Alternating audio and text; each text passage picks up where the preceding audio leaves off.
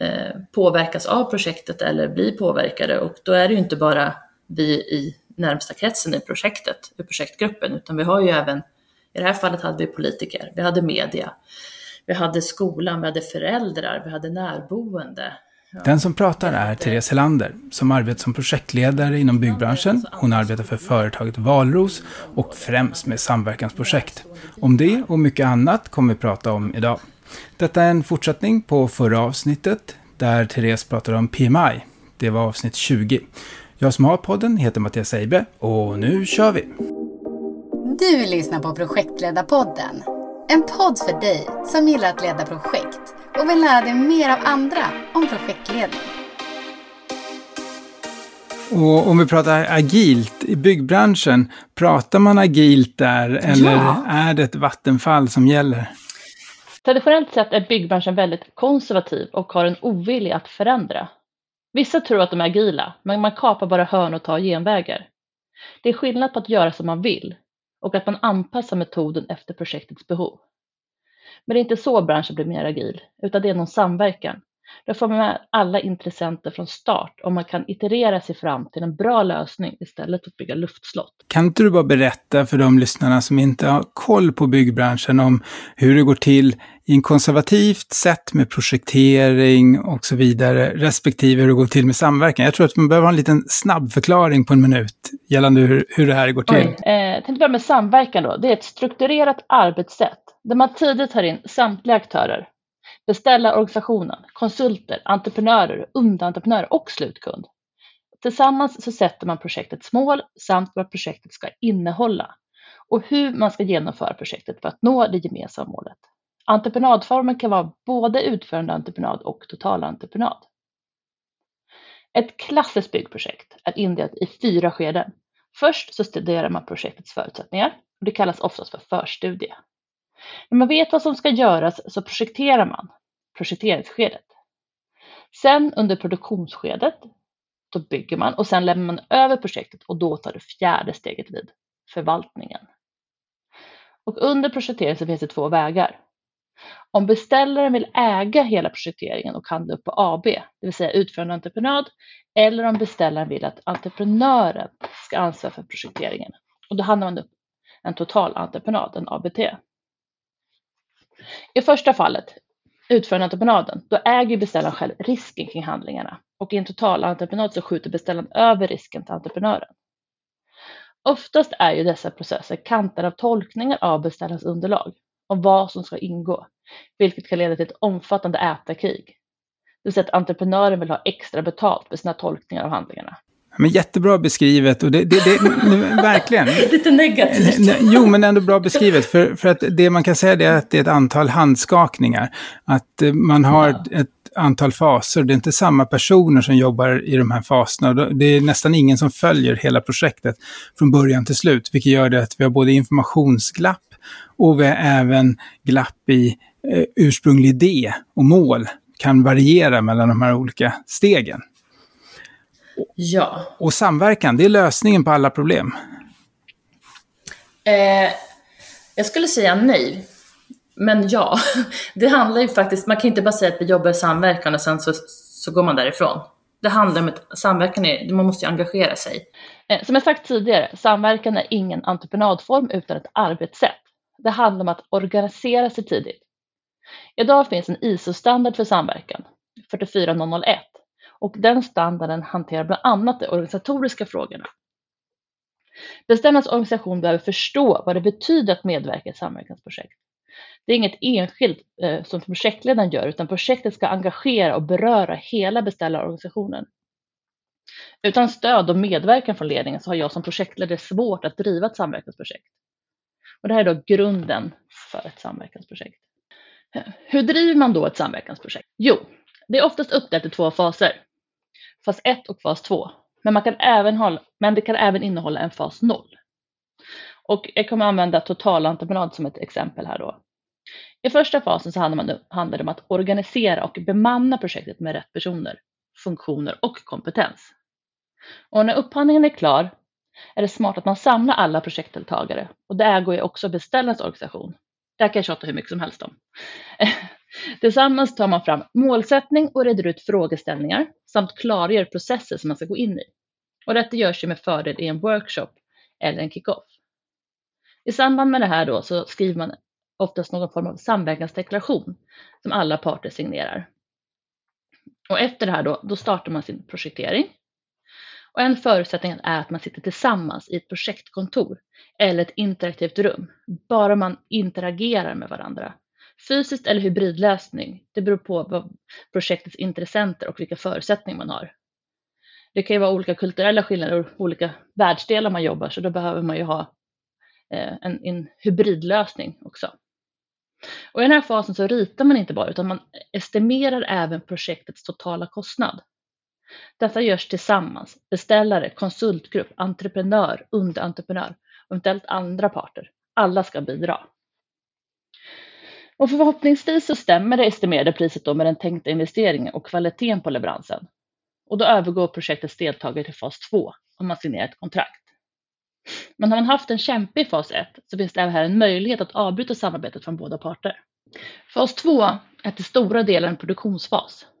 Där startar man detaljprojektering av bygghandlingen parallellt som man startar produktionen. Och under hela produktionen arbetar man kontinuerligt tillsammans med samtliga aktörer med kostnad och kvalitetsuppföljning samt att man arbetar aktivt med att nå de uppsatta målen. Jobbar man även med möjlighetsanalys? Det är en självklarhet. Jag kallar det risk och möjligheter. Men om, om man tänker sig, vad finns det för svagheter i samverkan? Jo, nackdelar och svagheter med samverkan. Beställare som har beställt ett samverkansprojekt men inte förstår innebörden. Som jag nämnde tidigare så krävs det en organisation, ett engagemang och en medverkan. Ett projekt är aldrig en one man show. Och en annan svaghet är också när beställaren sätter sig på läktaren. När beställaren inte medverkar utan låter entreprenören driva och genomföra projektet själv. Då kan man lika gärna handla upp den på en traditionell total, total entreprenad. En annan svaghet när man inte kör samverkan fullt ut, när man inte handlar upp underentreprenören på samma villkor som entreprenören. Transparens i alla led är viktig och det gäller framför allt att ha transparens på ekonomin. Och det är viktigt att alla verkar för projektets bästa, oavsett var man kommer ifrån. Eh, på mitt företag, vi på Valros, vi förespråkar att man arbetar med transparent ekonomisk redovisning i projektet, vilket betyder öppna böcker. Vi kör gemensamma ekonomimöten där alla har insyn. Vi tycker att det är viktigt att alla blir medvetna om kostnadskonsekvenserna det är av risker och av möjligheter och de beslut som man fattar i projektet. Och det sättet som man kan göra då att eh, de här blir ju inte konkurrensutsatta, men att man ändå kan hålla Nej. rätt priser. Det handlar om rätt produkt och kvalitet till rätt pris. Det handlar inte om att det ska bli billigare, utan det handlar om att göra lagom saker i fas 1 för att säkerställa, trimma och anpassa för att nå projektets uppställda mål i fas 2. I fas 1. Under projektering och kalkylfasen så görs en vidare projektering. Normalt man går från program till systemhandling i samråd mellan parterna. Parallellt med att man också i samråd tar fram en detaljkalkyl över projektets självkostnader och i den inkluderar strategiskt viktiga underentreprenörer för installationer och stomme som man också handlar upp i samråd. Om och när beställaren godkänner entreprenörens kalkyl och den kvalitet som den svarar mot så görs en beställning av produktionerna i fas 1. Och först då blir beställaren bunden till kontraktet och kan inte längre ångra sig. Så samverkan är ett sätt för beställaren att balansera den risk som normalt följer av att köpa byggprojekt på löpande räkning. Det åstadkommer man genom att ersättningsmodeller då som kombinerar fasta arvoden och löpande räkning som ska ge drivkrafter för att skapa då en bra slutprodukt. Och hur hanterar man alla bakbonusar som finns i branschen som inte kallas bakbonusar? Bakbonusar är ju svårt att komma åt naturligtvis, men det bygger fortfarande på förtroende och tillit. Stora organisationer har naturligtvis längre till beslut och insyn, men successivt arbete och dialog leder till möjlighet att tillgodoräkna sig även detta. Bakbonusar kan omsättas till bättre rabatterade prislistor som används vid löpande arbeten och redovisning i projektet eller exklusiva avtal för det specifika projektet. Men det, det, jag, skulle, det jag skulle vilja säga ändå med, med samverkan är att det är viktigt i, i det här skedet när man startar upp eh, när man har liksom sin projektorganisation i början och man ska göra upphandlingen med entreprenörerna, att bjuda in entreprenörerna. I mitt senaste projekt så bjöd vi in de största, vi hade bjöd in tio entreprenörer som klarade kraven för, alltså omsättningskraven, bjöd vi in för ett samtal. Där vi ställde samma frågor, eftersom vi inte under LOU, så ställde vi exakt samma frågor till allihopa och de fick chansen att visa upp sig. Och sen, eh, då vet vi liksom vad vi, och att de också förstått då hur vi ville jobba, alltså hur vi ville driva projektet. För då presenterade vi också hur vi hade tänkt. Alla fick samma information. Och då blir det ju inte det här sen att någon överklagar upphandlingen, för då har det gjort, gått till på rätt sätt. Och, så där, när jag sa tidigare att allting handlar om upphandling, det här är liksom så otroligt viktigt hur man skriver upphandlingen. Vad har du för tips där? För det låter helt fantastiskt att klara av en LOU-upphandling utan att få överklagande. Eh, absolut. Eh, det handlar bara om att alltså, man väljer, till exempel att man sätter en, så som jag skulle göra, ska jag säga, är att eh, mycket är på de mjuka parametrarna och att man sätter priset. Att det ska vara, de måste ju ha en procentsats som de går in på eh, för att tjäna vinst, alltså vad de, och, och att man inte ska ha med, alltså det ska bara vara ren vinst i den procentsatsen, allt annat är utanför. Eh, och eh, den sätter man till ganska låg viktning, själva pengarna, så att inte det blir fokus. Utan fokus är på faktiskt hur man driver projekten. Och att man får förklara liksom eh, att man måste, att man kan visa på hur man vill driva projektet på det sättet som beställaren önskar. Så att man får förklara då, och för att få full pott på den så måste man då uppfylla det här och det här och förklara det. Och hur man driver, att man ställer ganska öppna frågor Eh, så de får förklara, så ser man liksom att men det ska vara väldigt tydligt på vad, hur, vi, eh, hur vi prövar den. Hur man sätter poängen. För att få full poäng så behöver man faktiskt uppfylla det här och det här. Vi på Projektledarpodden är jätteglada att meddela att detta avsnitt är sponsrat av Astrakan Strategisk Utbildning AB. Astrakan har några av marknadens bästa projektledarutbildningar. Till exempel så är den certifieringsförberedande utbildningen som de har den enda i Sverige som uppfyller samtliga kompetenselement från IPMA. Nu kan du som lyssnar på Projektledarpodden få 10% rabatt på kursavgiften. Ange bara rabattkoden PP21 PP med stora bokstäver, vid bokningen på astrakan.se. Boka nu, då antalet rabatterade platser är begränsade. Erbjudandet gäller enbart nybokningar och kan inte kombineras med andra rabatter och avtal. För fullständiga villkor, se astrakan.se. Vad har du för tips för att en upphandling inte ska överklagas? Eh, vill ni lära er allt om upphandling och samverkan så tycker jag att ni ska komma på PMIs samhällsbyggnadsdag. Vi kommer ha en fantastisk kunnig person som ska prata om just detta. LOU, samverkan och upphandling. Tanken var ju att vi skulle ha det nu i oktober, 11 oktober, men vi gjorde ju vår riskanalys. Med tanke på hur det ser ut i omvärlden just nu så beslutade vi att flytta eventet till den 24 januari 2022. Men den som väntar på något gott väntar aldrig för länge, eller hur är det? Men som sagt, eh, till dess så kan jag ge er några konkreta tips. Eh, när jag och mina medarbetare eh, på Valros hjälper beställare med att formulera upphandlingen så startar vi alltid med att göra en analys av marknaden. Vi ser över vilka aktörer som är tillgängliga och passar då på och bjuder in dessa, eller huvuddelen av aktörerna, till en dialog för att höra och lyssna in vilka erfarenheter av samverkan de har, vilken kapacitet, vilken inställning de har, samt hur respektive företag mäter sina resultat och vad som driver resultaten.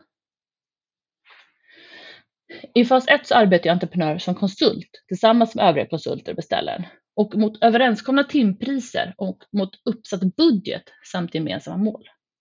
Så i beställningsskrivelsen i kontraktet för, bas, för fas 2 så fastställer man sluttiden, man spikar kalkylen, vanligen kallad riktkostnad, och låser fast entreprenörens procentpåslag för vinst och centraladministration som offererats i anbudet till ett fast arvode beräknat i procent på riktkostnaden. Så vid offentlig upphandling av byggentreprenader med samverkan så sker utvärderingen av de inkomna anbuden ofta i en betydande utsträckning av annat än pris. Till exempel av genomförandeplaner, hur man har tänkt att driva projektet, intervjuer med nyckelpersoner, bedömning av dess kompetens och erfarenhet. Det innebär alltså att den upphandlade myndigheten i stor utsträckning tar hänsyn till de mjuka parametrarna i underlaget för anbudsutgivning och värderar dessa högre än vad priset värderas. Har du några exempel på lyckade samverkansprojekt? Eh, på Valros har jag medverkat i ett stort antal eh, samhällsprojekt i bland annat Sala och Uppsala. Och, eh, nyckeln för framgång i dessa projekt har varit kommunikation, både internt och externt. Här har vi tänkt på de framtunga processerna i ett tidigt skede och gjort intressentanalysen och kommunikationsplan. Vi har då skapat en förståelse och gemensam målbild. Så har vi också jobbat väldigt mycket aktivt med risker och möjligheter genom hela projektet. Eh, tillsammans har vi då tagit fram det i tidigt skede och följt upp dem kontinuerligt på alla nivåer. Och som jag nämnde tidigare, att vi har liksom på byggmötena så har vi en stående punkt där vi pratar både risk och möjligheter. Och de här projekten då har ju då levererats i rätt tid, till rätt kvalitet och till rätt budget. Och hur gjorde ni intressant... Till och med, till och med, till och med lite billigare vill jag säga. Och hur gjorde ni intressentanalysen rent praktiskt? Hur gick det till? Eh, praktiskt, då samlar man alla och så sätter man sig ner. Och sen går man igenom och tittar liksom, vilka har vi? Och som kan eh, påverkas av projektet eller bli påverkade. Och då är det ju inte bara vi i närmsta kretsen i projektet, i projektgruppen, utan vi har ju även, i det här fallet hade vi politiker, vi hade media, vi hade skolan, vi hade föräldrar, vi hade närboende, ja, vi hade eh, liknande, alltså andra skolor i området. Vi hade mindre samhällen. Ja. Diskuterade ni också vilka som inte skulle få påverka projektet? Eh, ja, vi gjorde ju, vi tittade ju liksom hur, hur stor påverkansgrad de hade och eftersom eh, de gick ihop och hade ganska stor påverkan, de här närboende föräldrarna, eh, via media, så blev det ju liksom att det man kanske från början hade trott inte var så stort, att de kunde påverka, blev ju det. Intressant. Det här är jätteintressant att få ett exempel från verkligheten och, och där det också gick bra. Jag gillar ju att man lär sig av misstag och gärna andras. Har du gjort några misstag du skulle vilja dela med dig av? Dels är det här eh, det som jag precis nämnde, liksom, att, eh, att, att man inte missar intressenthanteringen och kommunikationsplanen. Eh, sen, någonting som är väldigt eh, dåligt i vår bransch, samspelsbranschen, är ju det här med lessons learned, erfarenhetsåterföring. Det är något som man ofta skippar åt eller att man bara skriver lite grann och sen blir liggande. Så den är ju någonting som jag tycker att man måste bli lite bättre på. Och sen också det här med risk, riskhanteringen kan jag tjata sönder. eh, att man, när man inte får göra riskhanteringen, när man liksom inte får den här uppslutningen. Jag tycker att det är någonting som man ska göra tillsammans allihopa. Det är inget som jag själv bara kan sitta och göra. För jag kan inte täcka upp alla risker. Det är lätt att det blir bara någonting, ett papper eller, eller ett Excelblad där det ja. står saker men det är ingen som agerar på dem. Jag brukar säga det att om man gör en riskanalys men inte tänker agera på den, då kan man lika bra hoppa över det. Ja. Nej men den har vi haft, alltså, att, eh, i mina projekt så har vi det att man, man får ju en, sätter en ansvarig på dem och sen följer vi upp dem på, på byggmötena. Men du, du har pratat om byggbranschen. Hur är det egentligen att vara projektledare där? Och kan, kan du jämföra med i ditt nätverk hur du tror andra har i andra branscher? Jag skulle ändå säga att jag tycker byggbranschen är en ganska fantastisk bransch, för det finns så mycket möjligheter att utvecklas och göra den bättre. Eh, sen tror jag att eh, om man tittar på eh, ur ett annat perspektiv, hur de andra har jag, jag tror att de har lättare faktiskt på ett sätt. Och att det är enklare, men det är bara vad jag tror. Vad, vad tror du är svårare i byggbranschen? Vad, vad är mer komplext eller?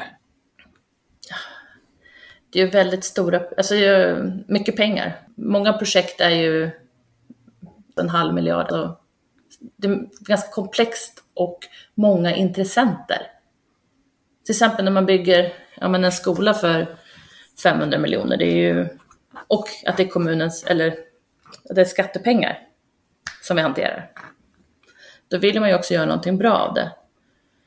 Jag tror att eh, det som är svåra är då att få med alla på banan och få den här förståelsen för som jag sa, den här omognaden. Det är det som är det svåra, liksom. få med alla, få...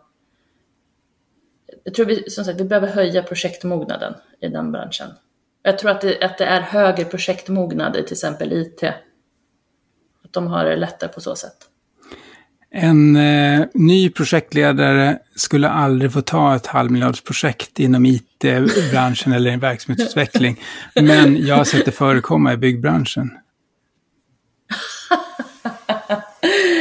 ja, välkommen till vår vardag skulle jag säga. Varför tror du att jag ville göra en förändring i den här branschen? Eh, vi kan prata om det här i flera timmar, i flera dagar skulle jag säga. Um, det är någonting som jag verkligen brinner för att göra en skillnad och förändra det. Att man ställer rätt kraven också när man handlar upp konsulter. Att de ska ha någon typ av kvitto på sina kunskaper. Att inte vem som helst får driva de här projekten. Har du sett några bra exempel från branschen där man faktiskt jobbar med det här? Tyvärr ser vi fortfarande en omognad hos beställaren kring upphandling av konsulter. Men det som är positivt är att fler och fler börjar få upp ögonen för formen samverkan. Och här kan jag också tipsa alla då om att antingen komma till samhällsbyggnadsdagen där vi ska lyfta de här frågorna eller till Passion for Project som PMI ordnar i mars i Göteborg, 14 15 mars. Kontakta dig eller PMI, hur gör man då? Eh, då går man enklast in på vår hemsida och där kan man skicka ett mejl till mig eller någon, någon av de andra i styrelsen.